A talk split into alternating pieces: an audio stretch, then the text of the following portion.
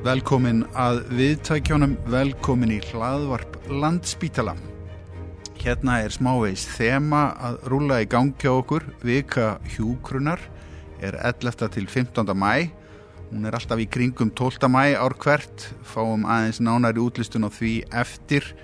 Um, uh, Brautriðendur í hjúkrun, já. Uh, það er þemað. Uh, hjá mér eru, eru gestastjórnundir Marta Jónsdóttir og Dagrún Ása Ólastóttir. Marta og Dagrún ætla að aðstofa mig við að, við að grilla smávegis önnu Gíðu Gunnlaugstóttur sem er mættinga til okkar. Velkonar alla saman.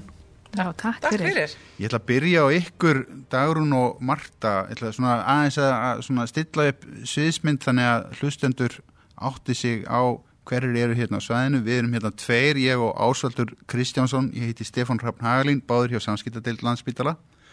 En ef við förum bara svona í stárásröðuna, Dagrún, hver ertu og hvaðan ertu? Hvað ertu Vá. fætt og uppalinn? Og... Herri, ég er úr Reykjavík, fæðist nú bara hérna á landsbytalum Reykjavík Mm. og hef alltaf búið hérna í, í Reykjavík, um, er eitt bíðnur rétt sjá inn í hlýðunum, indist þetta verið inn í hlýðunum. Og Ertu hver kannski úr hlíðanum eða? Reyndar ekki, flytt frekar seint þanga. Svona þegar ég var að byrja í mentaskóla þá er ég að flytja yngað að háti svein já, og ég ætla aldrei að fara á hlýðunum, ég ætla bara að vera hér, sko. ok. Já, já. Hvernig, Um, hvernig, hvernig háttaði það til að þú valdir hjúgrun? Hvaða leið fórstu í gegnum mentaskóla? Já, það, ég slisaðist nú eiginlega í hjúgrun sko. Ég fer í mentaskólanum við sund á náttúrufræðibraut Já, svo bara fann ég að mér langaði að vinna með fólki um, og bara var ekkert ofauks á hlutuna, bara skráði mig í hjúgrun mm. já, vinkonu mín er að skráða sig og svona mm -hmm.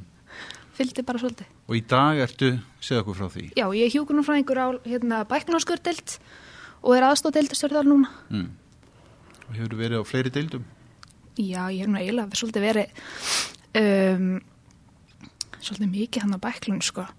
ég fór samt að gjörgæsluna í tvu ár, fældi að 2016 2017 2015-2017 mm -hmm. og svo kom ég bara aftur heima á bæklun, ég elska að vera á bæklun sko. ég finn mig alveg þar, ég er bara þar Það er bara hlýðarnar og bæklun, þú verður þar Já, það fyrirst vera Ertu með fjölskyldu? Ég er nú á vonu batni núna mm -hmm. Til ham ekki með það? Ágúrst, já, takk fyrir það og á mann sem að hérna, á eitt batn fyrir já. þannig að við, sérst, ég veit Stjúpsson Já og já. já Þetta er svona, svona kjarnan fjölskylda? Já, fjögur. já, hlýðar fjölskyldan hérna. Hvað fæst kalliðin við Hann er blaðamaður. og heitir, Stefán Átni Pálsson, já, vinnur hjá Vísi. já, Hann var nú í þessu húsi inn í skaftaliðinni og fluttist nú þegar þetta var alveg síðan landsspítali. En þú Marta, hva, hvað er að frétta þér? Hvar býrðu og hvaðan ertu og hvernig slýsaðist þú líka inn í hjúkurinn kannski? Sko, ég ætlaði að koma í þetta podcast til að tala um annað fólk. Já, já. Aldrei mig. Við þurfum að vita hverjir Já. eru á bakvið. Heyrðu, Ég heiti Marta, ég er hjúgrunfræðingur. Ég ætlaði alltaf, náttúrulega eins og ótrúlega margir hjúgrunfræðingar, þá ætlaði ég alltaf að verða ljósmaður, alveg frá því að ég var bara lítil.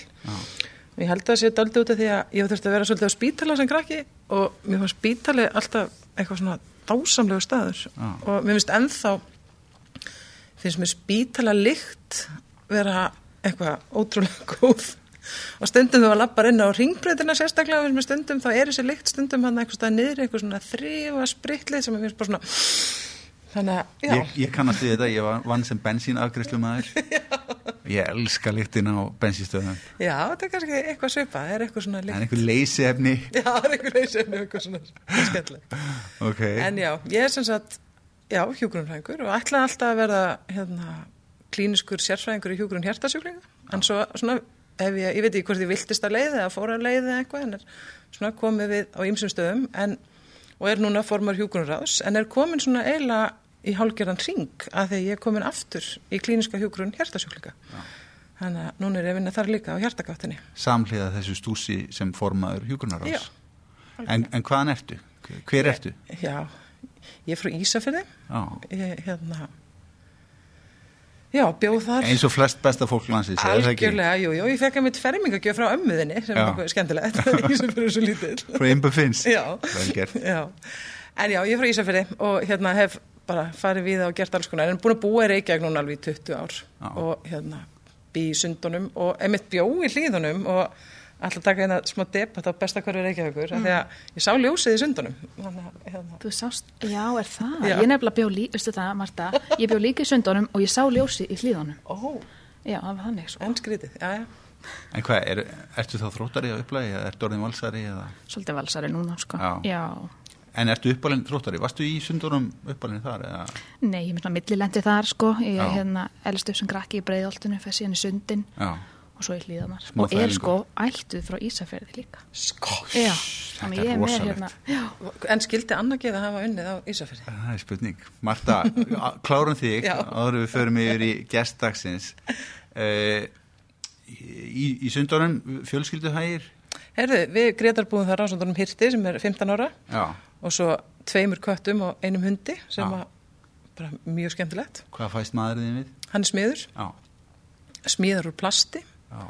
smíðar til dæmis stundum nóðbretti fyrir spítalann og smíðaði hérna svona hjálm í COVID Já. til þess að flytja sjúklinga, eða ekki þarna hútið, heldur svona, svona hjálmur sem var smíðað til að geta indubera sjúklinga á gjörgæslu. Indubera er að barkatræða? Já, til að setja sjúklinga á COVID smitaða, nei, ekki á gjörgæslu, til að, eða þurfti að gera aðgerð á COVID smituðum sjúklingum. Það var Já. þetta eitthvað svona hlýf til þess að minka líkur á smiti fyrir starfsfólk. Sér. Já, mér var staðarlega svolítið magnað því að veist, hann vinnur við að smíðu plasti sem, og er einhvern veginn í einhverju svona allt öðru heldur en ég. Já. Þannig að mér sína svo vel sko hvað, em, em, þegar maður tala stundum um stóðstjættir í helbriðskerfi, veist hvað þær einhvern veginn eru víða, hvað stuðningur við helbriðskerfi næri raun og veru langt. Já, því að hann var á fullu í að gera alls konar fyrir COVID.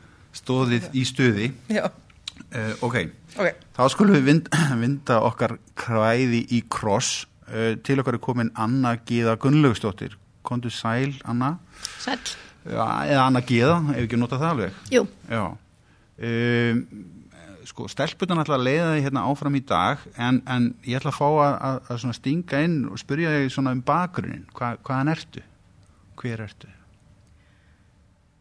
Ég sem sagt er hérna úr Reykjavík, bý í Reykjavík á hérna heima réttu landsbytalum minn á Sjafnagötu og hef allt eða átt heima þar lengi. Já. Ertu uppalinn hérna í miðborginni? Mæ, Hvað ertu uppalinn? það var inn í heimunum, kóbói, Já. tengi ekki við þá stæði. Nei, einmitt. Þú ert bara úr, mið, úr miðborgarkona. Já, Mm. Og, og hvernig var skólagangan? Hvernig? ég var í Vóaskóla, Já. MT, Mm Háskóli Íslands, svo er ég ljósmyndari, þannig ég fór í það. mm. Já, svo fór ég til bandaríkjana í sérnám, Mm. hjókurun. Hvernig, okkur varð hjúgrun fyrir valinu?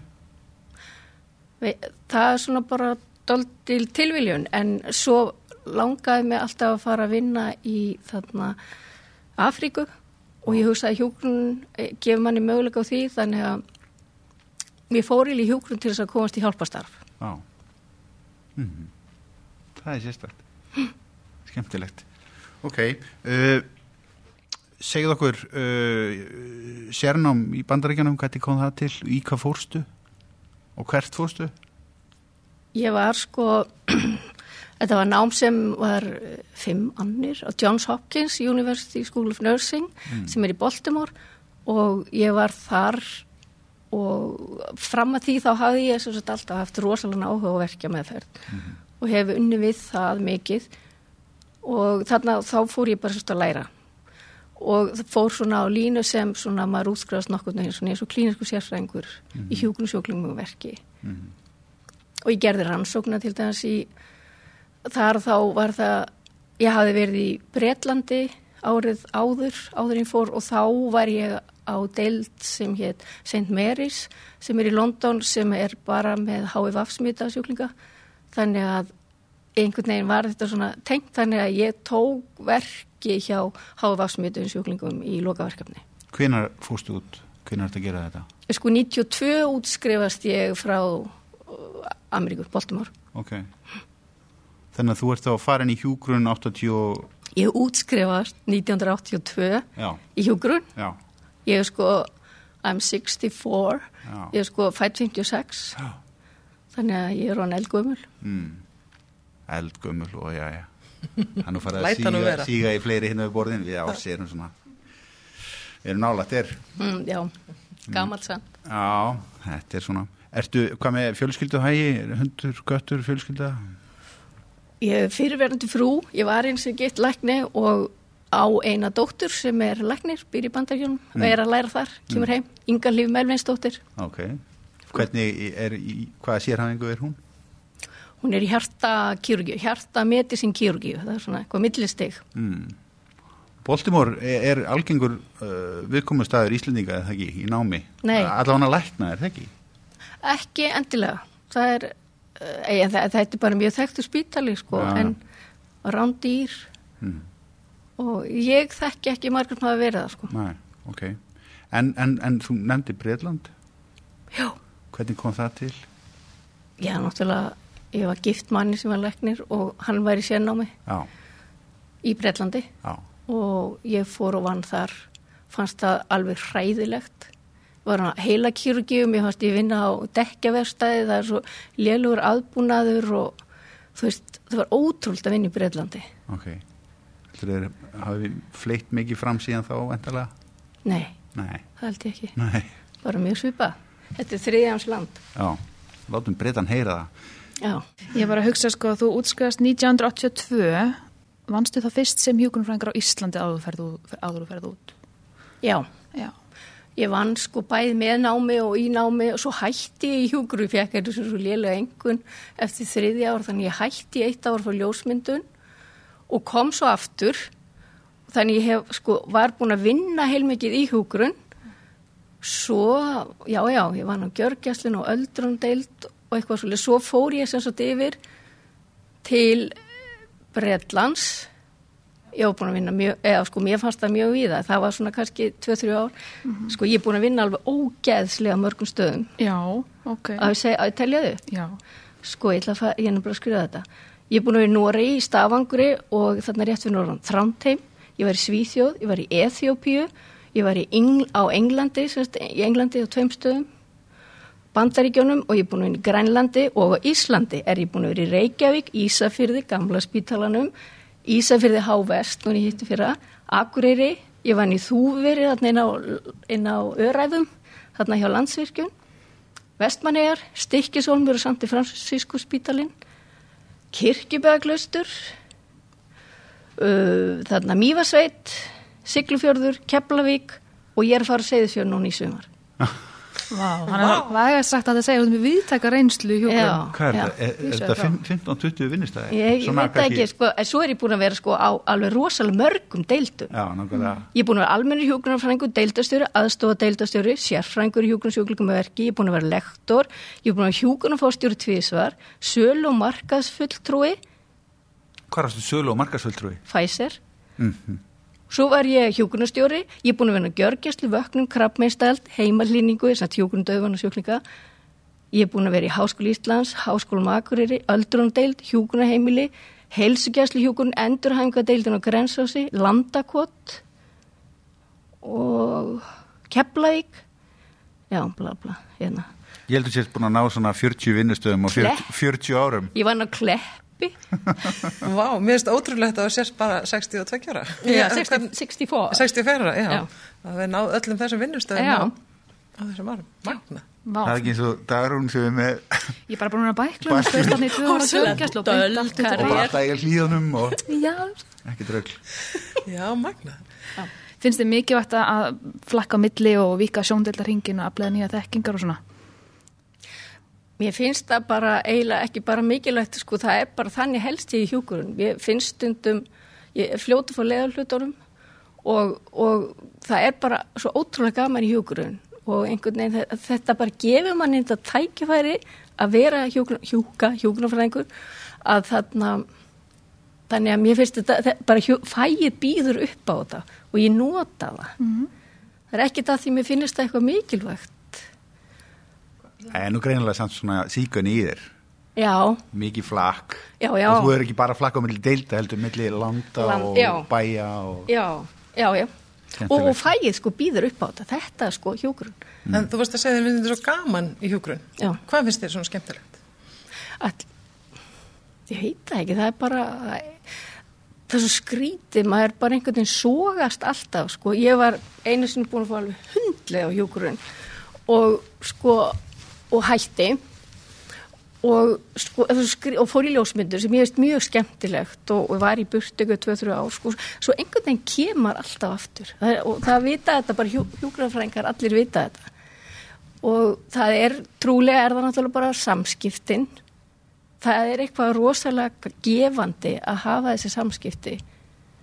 Og svo finnst mér líka eins og á landsbytalarnum kannski sérstaklega, mér er bara rosalega gaman, það er bara svona, það er skemmtilegt fólk.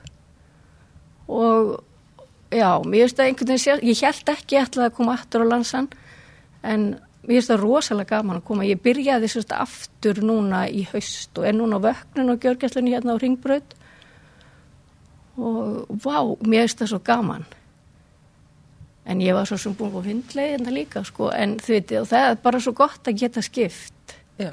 He hefur ekki fengið hundleið á, á, á ársfresti undanverðin 40 ár? Jú, allir það ég er bara ósögulega eitthvað en sko það er ekki beint haldur það að sko þetta bara lífið býður upp á þetta og ég nota mm -hmm. þetta sko, Já. þú veist, af því að og ég meni ég er vel stæð, ég meni ég á bara íbú ég er ekki sko, þú veist, ég er rosalegu peningaharki sem ég veist náttúrulega það veiti mér þennan möguleika, ég get haldið í búðinu og svona þannig að, að ég bara verið svona lánsum sko að geta gert þetta. Það er og ég bara er alltaf að segja það alla sem hjúgrun sko er svo skemmtileg hvað þetta var. Þetta, þetta er svo góður og maður fær alltaf vinnu. 200 deildir á landsbytala mm, Já, Algjörlega. já. En hvað, þú fóst þannig út og lærðir að vera sérfræðingur í hjúgrun, eða lærðir sérhæfðir í hjúgrun sjúklinga með verki. Já, og svo komstu heim. Já. Og hvað fórst að gera þá?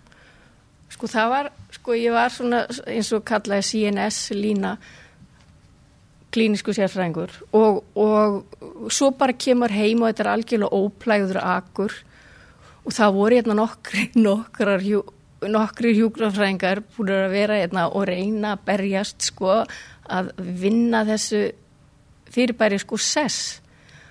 Og það hefði gengið á ymsu og við hittumstum alltaf og vorum svona að deila með okkur hvernig við leistum hlutina. Og vorum örfáar fugglarhæðurna fyrst. Og núna er við bara orðnar það. Og ég man, ég held alltaf utanum hópin senda fundabóð svo lis og ég meina og þú veist, þetta er svo hlægilegt því að mist, ég held utanum allan mistarhjókur einn dag er það náttúrulega bara miljón sko þannig að það er ekki takt. En þannig að við vorum þarna bara fet okkur í einhverju kerfi sem var alls ekki tilbúið að taka við okkur en það var samt alveg vilji hjá hjúknarfórstjórum bæði þess að Sigriður Snæbjörnsdóttir inn í Fossvogi því ég byrjaði inn í Fossvogi og hún var mikill stöningur fyrir þetta sko en það bara einhvern veginn þurft, við þurftum bara einhvern veginn að vinna land hvernig við vildum vinna og svona. Þannig að ég var sérst ráðinn þanga á í Fossvog og maður byrjaði á því að maður vann bara einhverju vissa daga þá var maður í einhverju svona eins og ég sagði gáfilegu starfi annars var maður bara í klíning og svona þarna já og síðan var þannig að það var sko komið vísir að verkja teimi hérna á landsbítalanum og þannig ég var búin að vinna einhver nokkur ár inn í fósói þá er ég svona sjanghæðið yfir og vann í þessu verkja teimi nokkur ár. Og þá svona slípaðist þetta ennþá meira til hvernig og það er raunverulega bara ennþá að slípast til. En það sem mér fannst alltaf rosalega mikilvægt er það verði ekki svona skrifstói hjúka sko bara í, já, bara í rannsóknum, ekki bara. Heldur sko ég vildi frekar vera í klínikinu sko nær einhvern veginn, það hefur alltaf mér þó skemmtilegra, svo eru aðrir góðir í öðrum. Þannig að mér finnst sko svo mikilvægt að þessi að klíniski sérfræðingar eða sem, sem er að koma inn í klínikinu og hjálpa sko að þeir komi að þessi lágur þröskuldur til dæmis eins og mér finnst rosalega erfitt því þar að skrifa kannski einhverja beðni, ég vil fá einhvern og, og ég er næstu því bara sjálf búin að greina vandamálið þegar beðnin er hann tilbúin. Ég get bara ringt og sagt eftir til að koma? Við erum í vandræðum hérna. Og það brjála að gera, getur þú komið að hjálpa þannig vildi ég vera. Mm. Þannig að þú vilti vera svona sérfræðingur hjúgrunn sem er nálagt sjúklingnum Já. og nálagt öðru starfsfólki. Þannig að svona tiltaks Já, tiltak sko, ekki sko bara einhverju beðni og, og svo það er lesið á þriðu dögum eða eitthvað svona yfir það, sko, þetta, ég vil koma strax. Þannig að þannig og þannig vin, virkar verkja með þeirra finnst mér sko, með auðvitað eru önnur mál sem þú veist er hægt að býða og svona, en þetta starf sem ég vann, mér fannst það best að vinna þetta svona. Sko, nú er alltaf að fjölga í hópi sérfræðinga í hugrun, sem er mjög áhugavert. Er þetta svona svolítið bara hver og eitt svona skipilegur sína vinnu og hvernig það vil hafa þetta eða er þetta svolítið frjálst að vera sérfræðingur í hugrun?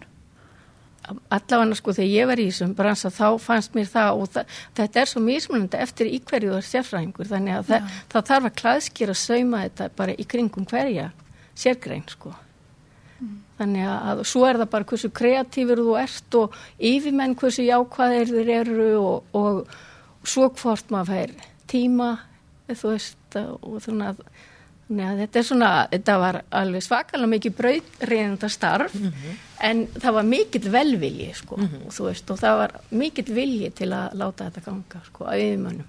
Mm -hmm. Mælur þú með sérfræðingsprogramminu á landsbytala fyrir hugurnarfræðinga sem hefur áherslu? Ég bara fann faktist ekki það ekki. Nei, en, já, alveg öruglega, já. það er öruglega bara alveg frábært. Get ekki ímynda mér hana. Þú, þú fegst sérfræðingsleifi hvað 2004? Já. Já, fyrsta hópnum sem að fekk leiði til að kalla þessi sérfræðinga í hjókurinn svona formulega en þá voru alveg þó nokkuð mörg árið það ekki síðan þú komst heim Já, ég, sko ég byrjaði að vinna sem sérfræðingu í 92 Já, akkurat, þannig að þú varst búin að vinna í Já. Alveg 12 ár. Já, og ég var bara kallaði með klíniskan sérfræðing sko, en svo við vorum mikið svona, þetta var alltaf verið ákveða að eiga þetta sérfræðingar, eiga þetta heita hvað og svona, þannig að nýðustan var sem sagt sérfræðingur í hjókurinn og já, þannig ég var búin að vinna sem klínisku sérfræðingu þó að það starfshéti var ekki til. Já, ömmið, mm. akkurat. Ég er spáð með hérna verkina þess að við vann greitt vandamál en þá í dag. Mm. Hvernig gengur okkur á landsbytala? Eru mikla framfari frá því þú varst að byrja. Um náð miklum árangri? Já, ég veist það. Sko og þú veist, auðvitað verkir eru bara alltaf rosalega erfitt enkenni hjá sjúklingum sem eru með langvarandi verki. Og þar, þar eigum við langt í land og, og það er bara erfitt í land. En mér finnst til dæmis eins og núna er ég að finna á vöknun sko, mér finnst bara mjög vel að þessu staði og bara svæfingin sko og, og þú veist svæfingin og skurstofn hvernig þið ganga voru sjúklingum til dæmis bara pre-op eða fyrir aðgerði og svo sem sagt hvernig við höndlum þetta þannig að mér finnst þetta flott.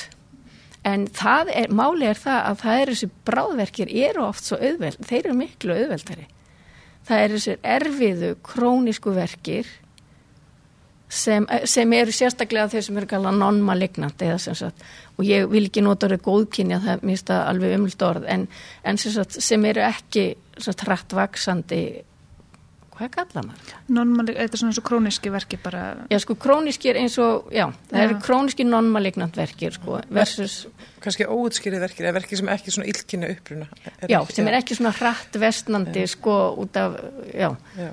þannig að, að það er það er bara rosalega langt og, og verkjateimið út af fyrir sig snýrist rosalega mikið um að hjálpa þessum fólki og það er bara langt í land þar mm -hmm. Það er, er erfiði sjúklingahópur, þetta er bara oft svo langtíma og þetta er orðið svo flókin mál. En, en þarna varðandi krabbaminsverki það er orðið ótrúlega framför og postóp og bara viðhorf.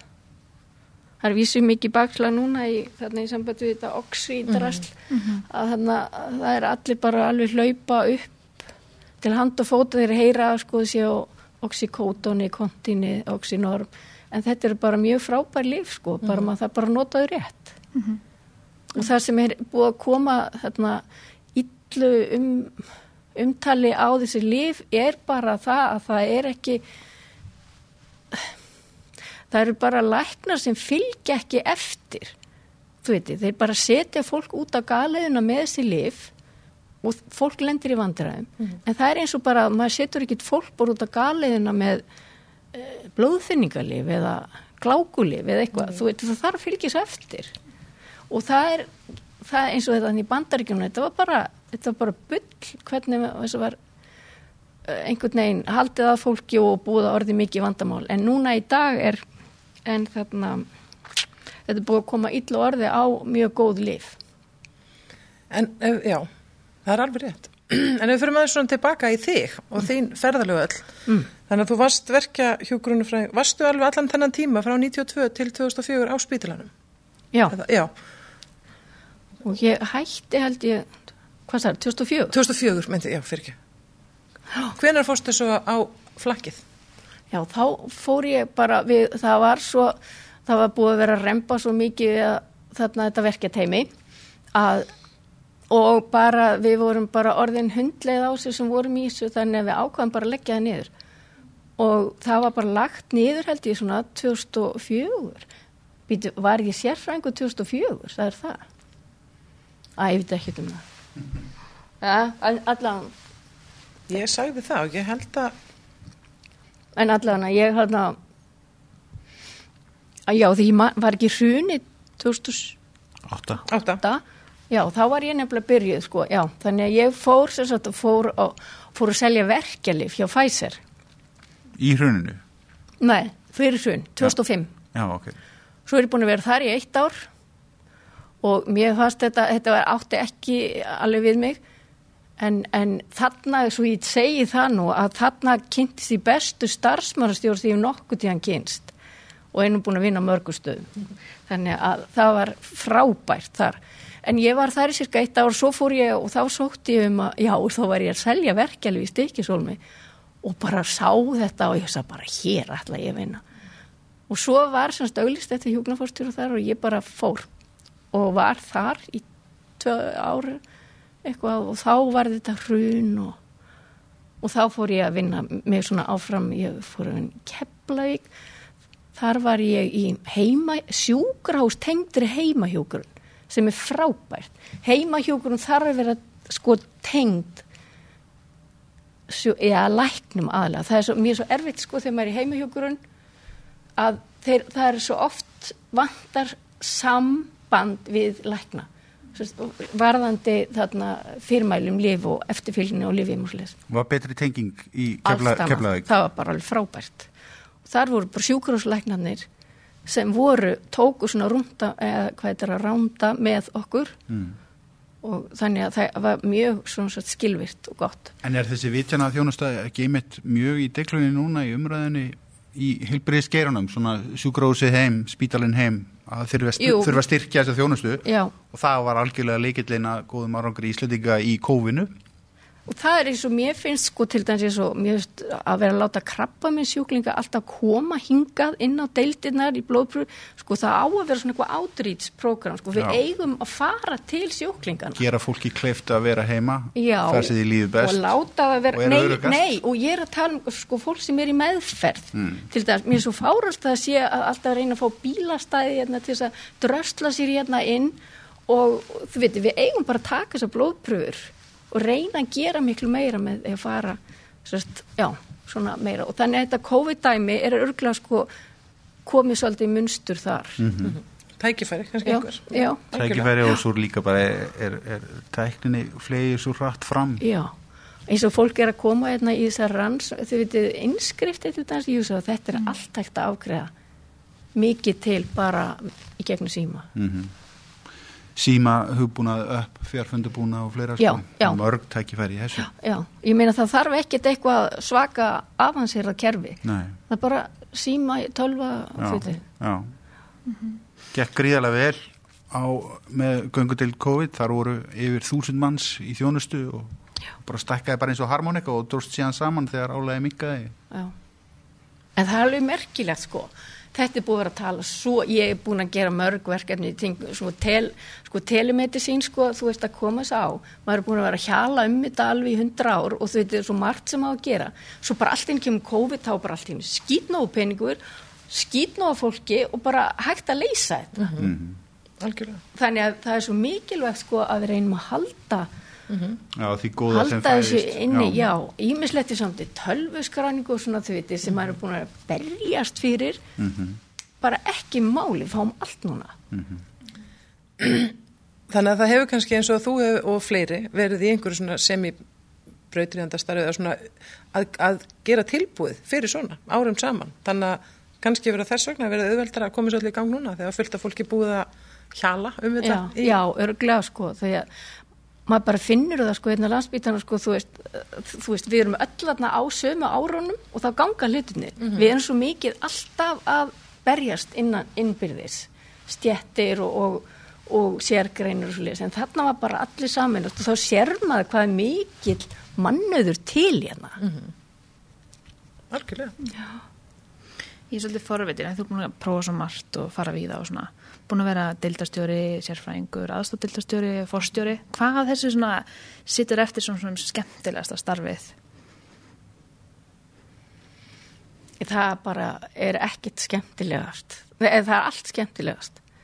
Sko þú veist þannig að ég get ekki búið það saman. Þetta var líka sko hvar ég var, ég verð, til dæmis ég var ná Siglufyrð og Ísafyrð, þetta er svo fallegi staðir og Mývasveit, sko bara þú veist það er svo mikið partur af vinnunni, hvar maður er mm. og svo, já þannig að það er rauninni sko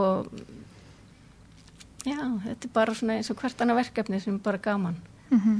og mér fannst já, ég, mér finnst til dæmis bara æðislegt, ég er bara núna on the floor eins og sagt það er sko mm. bara í flórnum og mér finnst það bara æðislega gaman og þarna, mér finnst það bara gaman flórin sem, sem on the floor þýðing, ég sagði að það væri kannski á gólfinu bara. sko ég, Florence Nightingale on the floor. Okay. Florence Nightingale, já. já. Florence Nightingale. Já. Nei þannig að sko. Það er gott. Já. Þú svolítið svona segi bara það sem að kemur upp í hugan, það er mjög já. gott, það er mjög hressandi. Mm -hmm.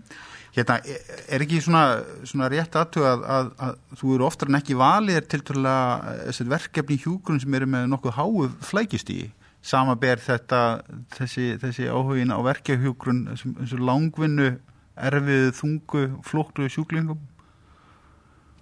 Nei, ekki endilega sko, heldur bara það sem ég hef bara haft áhuga á og við hjókunarfræðingar sko, við erum alltaf að leysa einhver flækjusteg sko. mm -hmm. það er einhvern veginn þannig vinnan okkar er alltaf sko, þú veist svona við erum þarna svona, þessi svona sem nýta en þannig að já, já, nei, þetta er bara svona eitthvað sem að gera og þetta er bara verkefni Frekar liggi bara í stjættinni sjálfi fæinu sjálfi, já, það sé bara hatt flækjusteg Já, já, er það ekki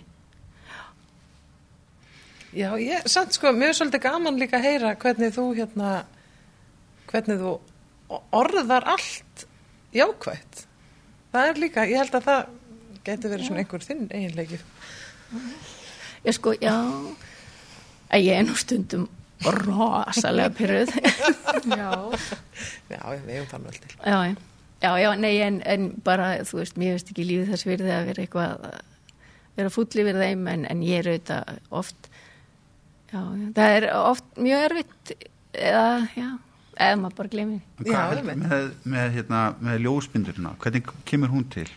Sko, það var, það er bara svo mikilvægt að hafa eitthvað annað áhuga mál. Að því að bara eins og hjúkur, hún bara gleipir þig og einhvern veginn og það hefur bara held ég bara algjörlega bjargum og ég var náttúrulega bara algjörlega búin í hjúkurinn hérna, ég var að vinna á öldrunadeild og við þurftum að útskrifa fólk svo snemma þegar við þurftum að vera í þessu að þú veist, prófa öll endurhæfingar úr ræðum að satarna bara horfið á þessu ættingja. Sko þið viti, þetta var ömurlegt að taka þátt í þessu. Og ég bara brann held ég út held ég svona, nema það að ég bara ákvað að fara að gera eitthvað annað og fór og sóttum í ljósmyndun og Hvenar er það? Það er þarna eitthvað 2009 eitthvað svo leiðis Ertu þú búin að fást 2010. við ljósmyndun svona sem lengi? Já, sko já, ég fór einu sinni sko, þegar ég hætti í hugunum þá fór ég eitt ár já, var, já það er fyrir lífanslöngu 1980 já. þannig ég hef alltaf sko verið mikið með linsun og lofti þannig að það er alltaf verið mitt áhámál og ég meina framkalla sjálf og svo leiðis og hef alltaf tekið mikið að myndum. Og síðan sérst fer ég þarna bara fórnlegt ná sem var alveg tökjar ná mm. intensíft, að það reyndi sko mikið á ég þurfti að vera að taka nekta ljósmyndir og setja allsber fyrir það, þetta var svona algjörlega eitthvað svona sem að bara því líkt hvað heitir kannski það? vön, vön berum skrokkum það ekki? spítalanum en kannski minna, minna í því sjálf minna í því sjálf, ég man, ég hef hustað bara, hvað er með góður, ég var þar allsber á reykjanesinu og taka myndir af hver annari eða, ég, sem betur valdist í hóp með kvennmanni og eða þið veitir, svona, þetta var svona reynir rosalá, sko, að gera eitthvað allt, allt annað og það er bara svo skemmtilegt. Já, og það hefur bara haldið mér bara, þið veitir var hlýtt úti þennan dag? Hín stelpa fikk þvagfærsíkingu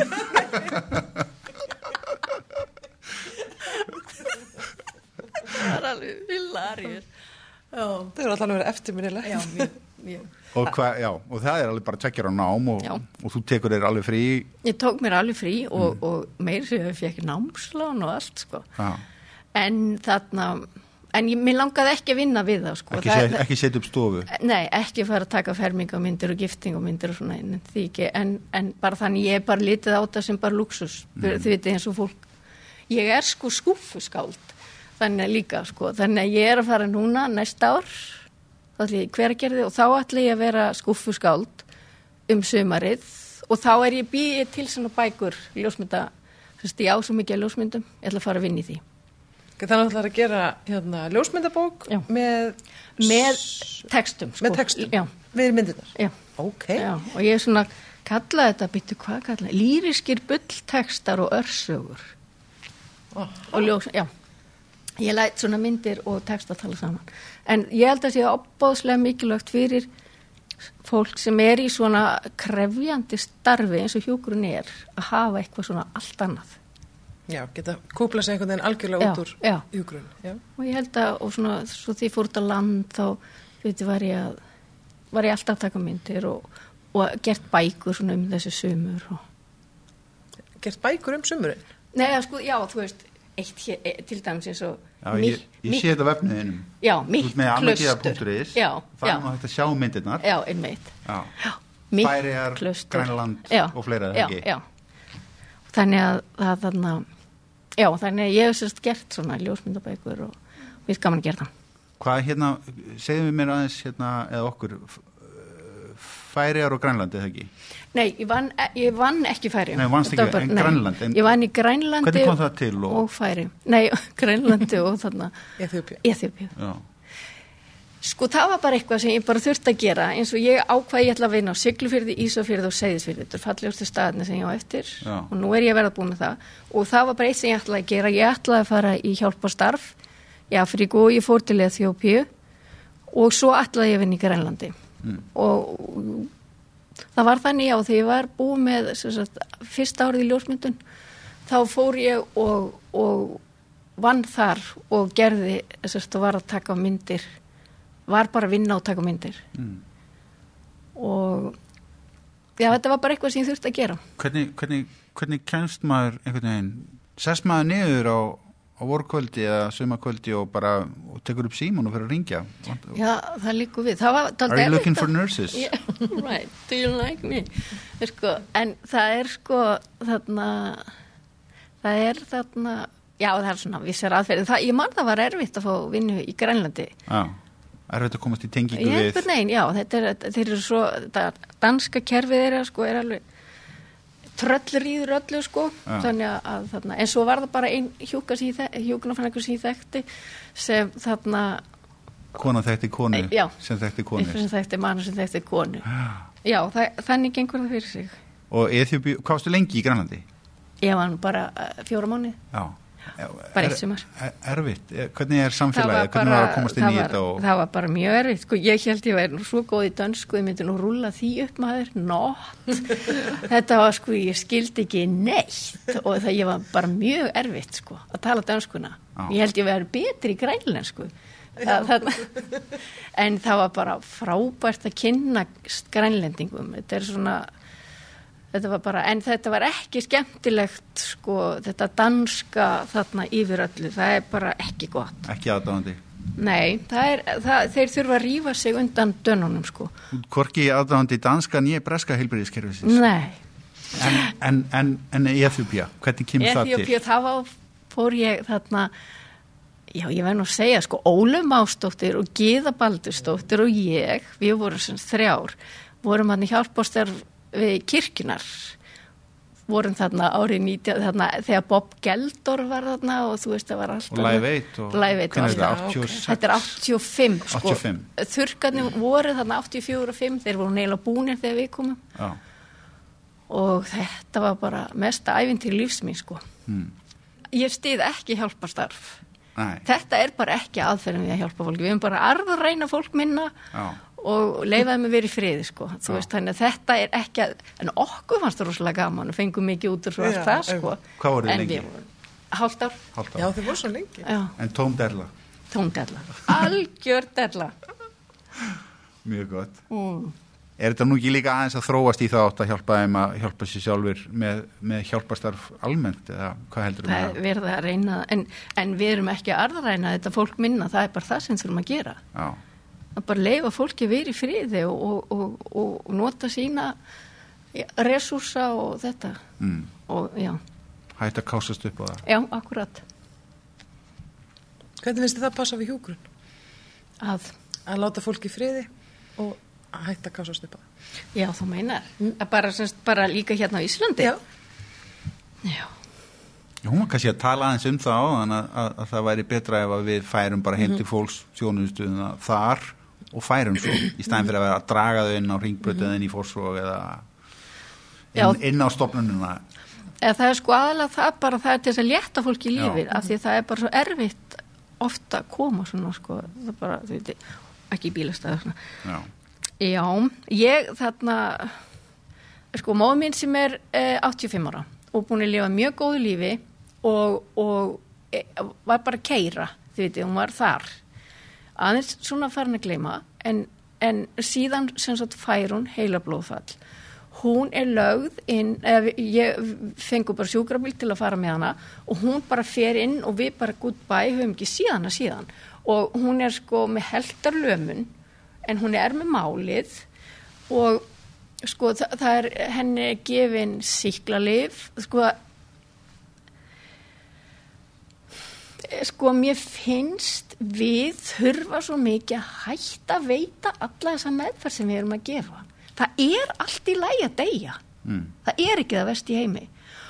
Og ég veit að mamma myndi vera svo tilbúin Þetta gerir Að síðan þessu heimsóknarbanni. Já, og ég, við, ég finn náttúrulega ekki að tala um, sko, við vorum búin að ákveða að hún væri ekki, sko, það, ekki endurlífgun, hún, var búin að segja það fyrir ljónsilöngu, en ég meina, mínus síklarlif, ekki sondu og allt þetta, þetta þarf maður að tala um við fólk, en ég, það hefur ekki verið veittur nokkur undan þá að, hún er bara þarna ein inni, herbyggi með kalli, sem, sko, þannig að það þarf að stúka þau svo af, þannig að eina sem hún sér er bara játtveggur.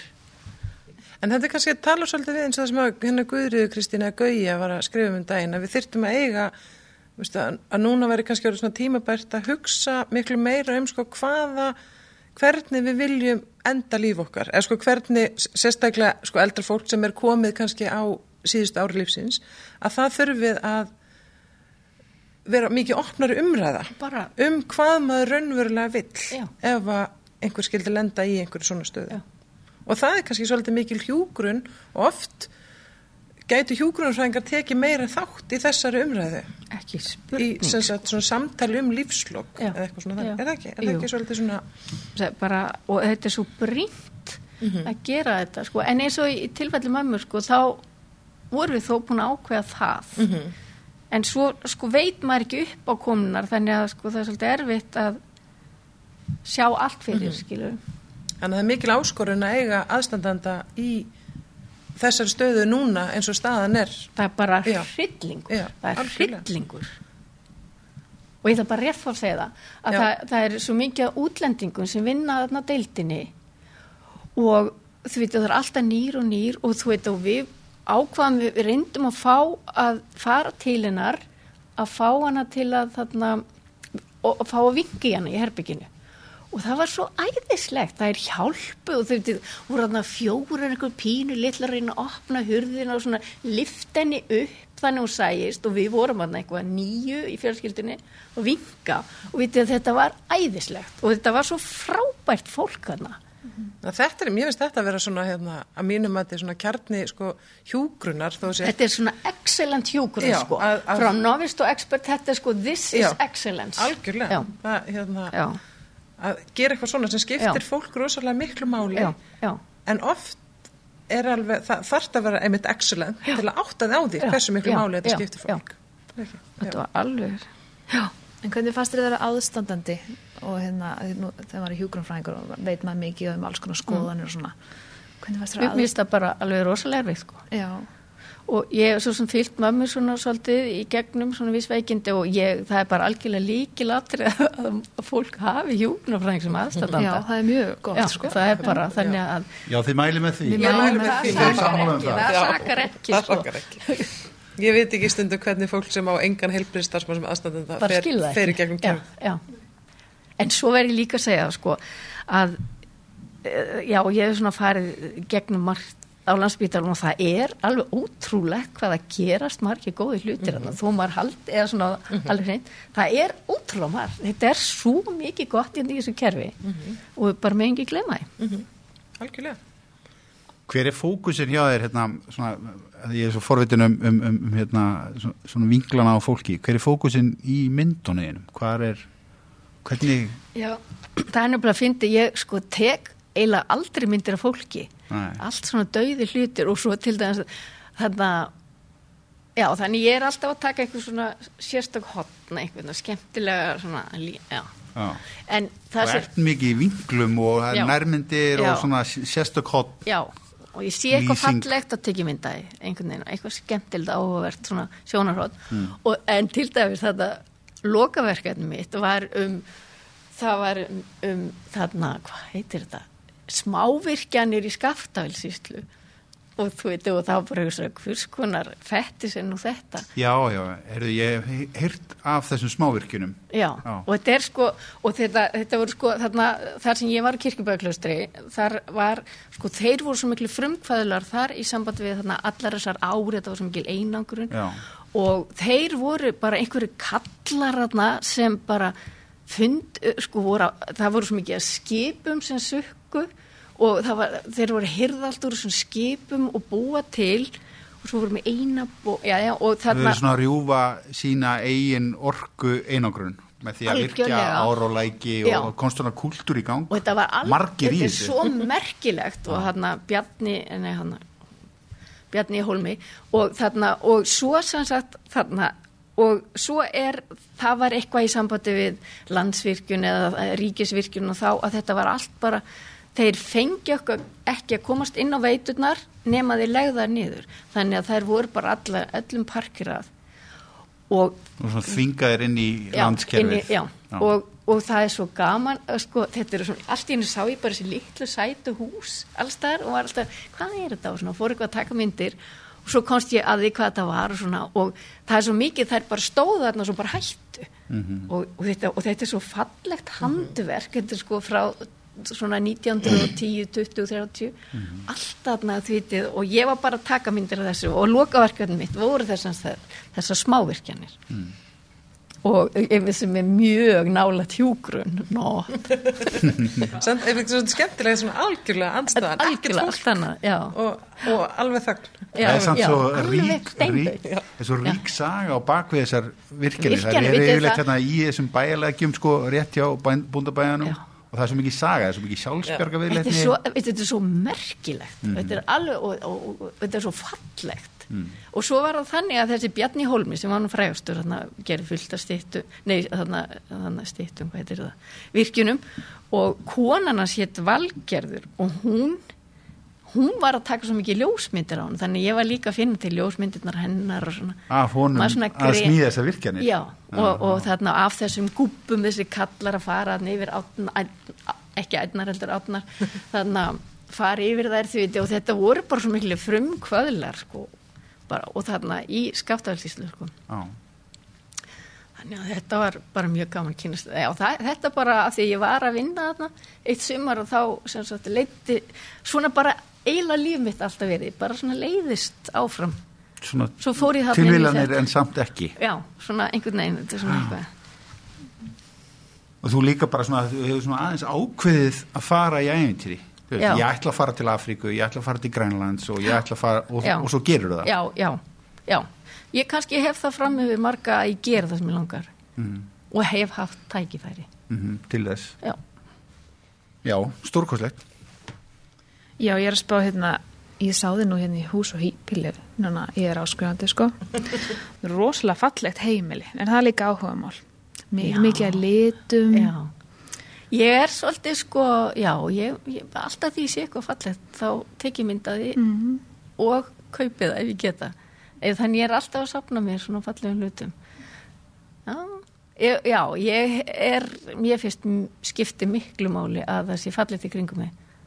Þannig að, já, ég veist, og ég bara, og fyndi því fór í þetta viðtal þá var það þannig að ég var sko, var að ný, nýbúin að gera upp hjá mig klósetti, baðherbyggið heitir það, já Mhm. Og ég var eitthvað að sína öllum þetta þarna og bauð fólki í koktel og klóinu. Já. og svona, svona og þarna Bauðstu fólki í hvað? Koktel á klóinu. Koktel og klóinu. Og einhver svona þannig að þetta er svona einhvern veginn þannig að það kom hann einhver eða svo þetta var haft við talveg mig þarna. Á klóinu? Og já, eða sko ég hefði viljað hafa það miklu meira kló- klóið? ég hef haft partíð með tólmanns Tólmanns já, Já. Það er lett fyrir hjúgrunfræk að vera á klósitinu með Nei, og það er hafa næs og... Huguleg bekken og já, já, já, einmitt. Já, alveg svakalega flott bekken svona keramik bekken, nei, nei hvað heitir það? Emalerað heitir það. Er það í nótkun? Eða Nei, nei, nei, vita þetta? það er búið punt. Og ofsalega flotta gler þvægflösku sem ég kefti í Nóri en ég sem sagt er alltaf að safna mér og mér finnst gaman að hafa fallegt kringum mig, mér finnst það bara skipta mig miklu máli að hafa fallegt kringum mig Þú líka sagðist að hafa valið að vinna á fallegustu stöðum landsins. Ég það segi er það, það sem já, er búin að ákveða. já, já. Þannig að svona fegurðin skiptir þið miklu máli. já, já, Og fallegt starf líka. Ég veit að hjúgrunn er alveg, já. já það er bara alveg rosalega gaman að vera í hjúkurinn það er bara flott, sko, það er bara vest hvað er uh, skýtlega launað, sko þið leiðilegt hvað oft svona neikvæð umræða um þetta starf sem fylgir þessu starfi eitthvað neginn? Nei, að trubla mig eng... Nei, Trufla mér finnst það bara mér finnst það bara svo skýtt hvað við erum fáum ekki laun sko. Nei, og ég tek mig ekkert vola eins og eins og ég segi, ég hjúka þú veist, sem er, finnst eitthvað það maður ég hefur hjúkna frá einhver svona, þú veist, mér finnst mér finnst það ekkert endilega neikvægt það bara bæði reikvætt og líka mjög jákvætt, maður finnir það. Sérstaklega og núna í... Já, það finnur já. í töðarnar mér þetta, Já, engla, það, engla kannski. okkur svona, þetta er bara gott starf og, og við erum bara réttum stað og mm. -hmm. hunskisti til að borga okkur fyrir þetta, Einmitt. þú veist, og meira það, en nei, mér finnst sko, þú veist, nei, mér finnst ekki tala illum hjúkur, finnst ykkur það?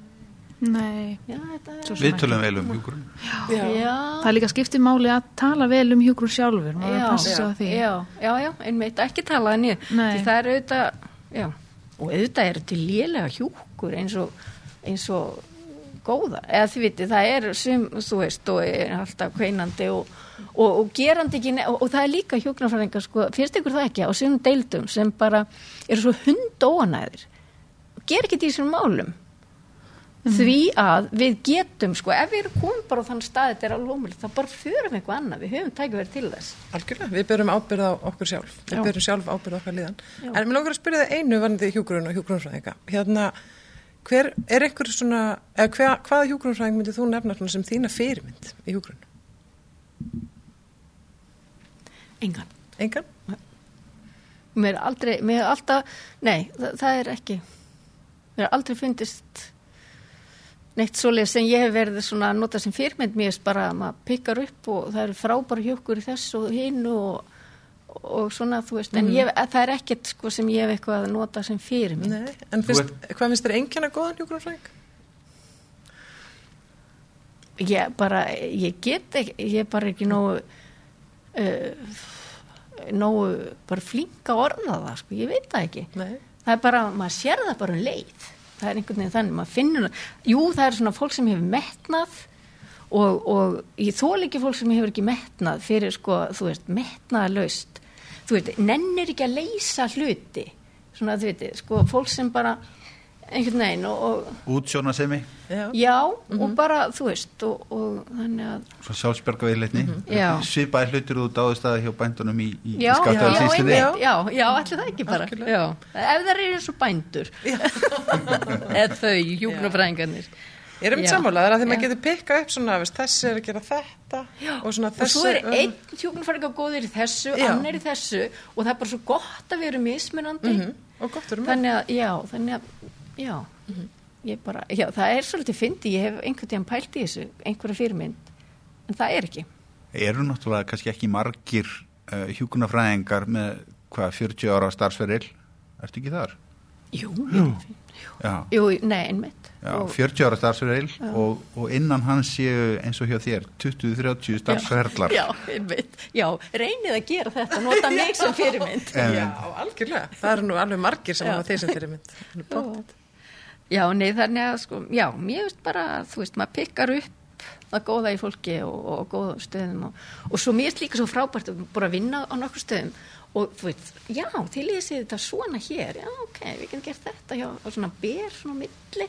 Það er svona rosalega gott að færast til á sér raskati Já, þess vegna kannski er mikilvægt að fólk flakki aðeins á milli starfa og það rosalega til þess að einmitt læra. Já, og, og þú verður bara ánægir starfinu, betur starfsmæður og svona, þú veist. Og svo er líka mjög mikilvægt að vera yfirmaður, prófa að vera yfirmaður. Vitið, undirmenn stundum eru svo ósangjarnir við yfirmenn og, og, og, heimtu frekir, sko. Maður hefur bara gott af því, sko, að vera sjálfur í þessu og vita hvað þetta er erfitt. Þannig að við höfum gott að því að fara við það og svona prófa einn ímsu. Kingar Svo, aðstofar deildastjóran hérna kolli, já einmitt, þetta er rétt svo maður getur svona sett sér í spór sem flestra. Eða svona þannig. Já, að það er kannski, það, já. Já. Og bara skilja það, sko, að þegar fólk er að rífast yfir vaktaskýslinu og þetta. Einmitt það sem ég hugsaði strax og sagði þetta var alveg. Og ég, það var einu sinni, Ásta Möller, hún hún vann með mér, mér varst þetta svo heldur gott hjá henni, hún var deildastjóri, og ég var eitthvað að tuða yfir skýslinni og einhvern veginn. Og þá bara sá hún, heyrði hann ekki, er ekki bara upp og bara kom því bara yfir á mig mitt verkefni að þú sérð um skýsluna og ég satt uppi með þetta og maður hafði svo gott af þessu. Já, Já, ég sammála þessu. Já. Hefur ekki bara að afkynna á þessum nótum? Jú, er það ekki. Skulum segja þetta gott, við höfum setið hérna í klukkustund og rætt um, við önnugiðu Gunnlaugsdóttur sem hefur átt ótrúlega fjölbreyttan feril í hjúgrunn, mjög merkilegan og er, er, er skrambi flinkur ljósmyndari líka. Uh, Marta Jónsdóttir og Dagrún Ása Ólastóttir hafa verið gestastjórnendur. Uh, vika hjúgrunnar, þetta er tilefnið uh, og þetta yfirskriftin er, er brautriðendur í hjúgrunn. Takk kærlega fyrir spjallið og, og, og takk fyrir komuna. Já, er það ekki fyrir mig já. Takk. Takk. Bless. Bless.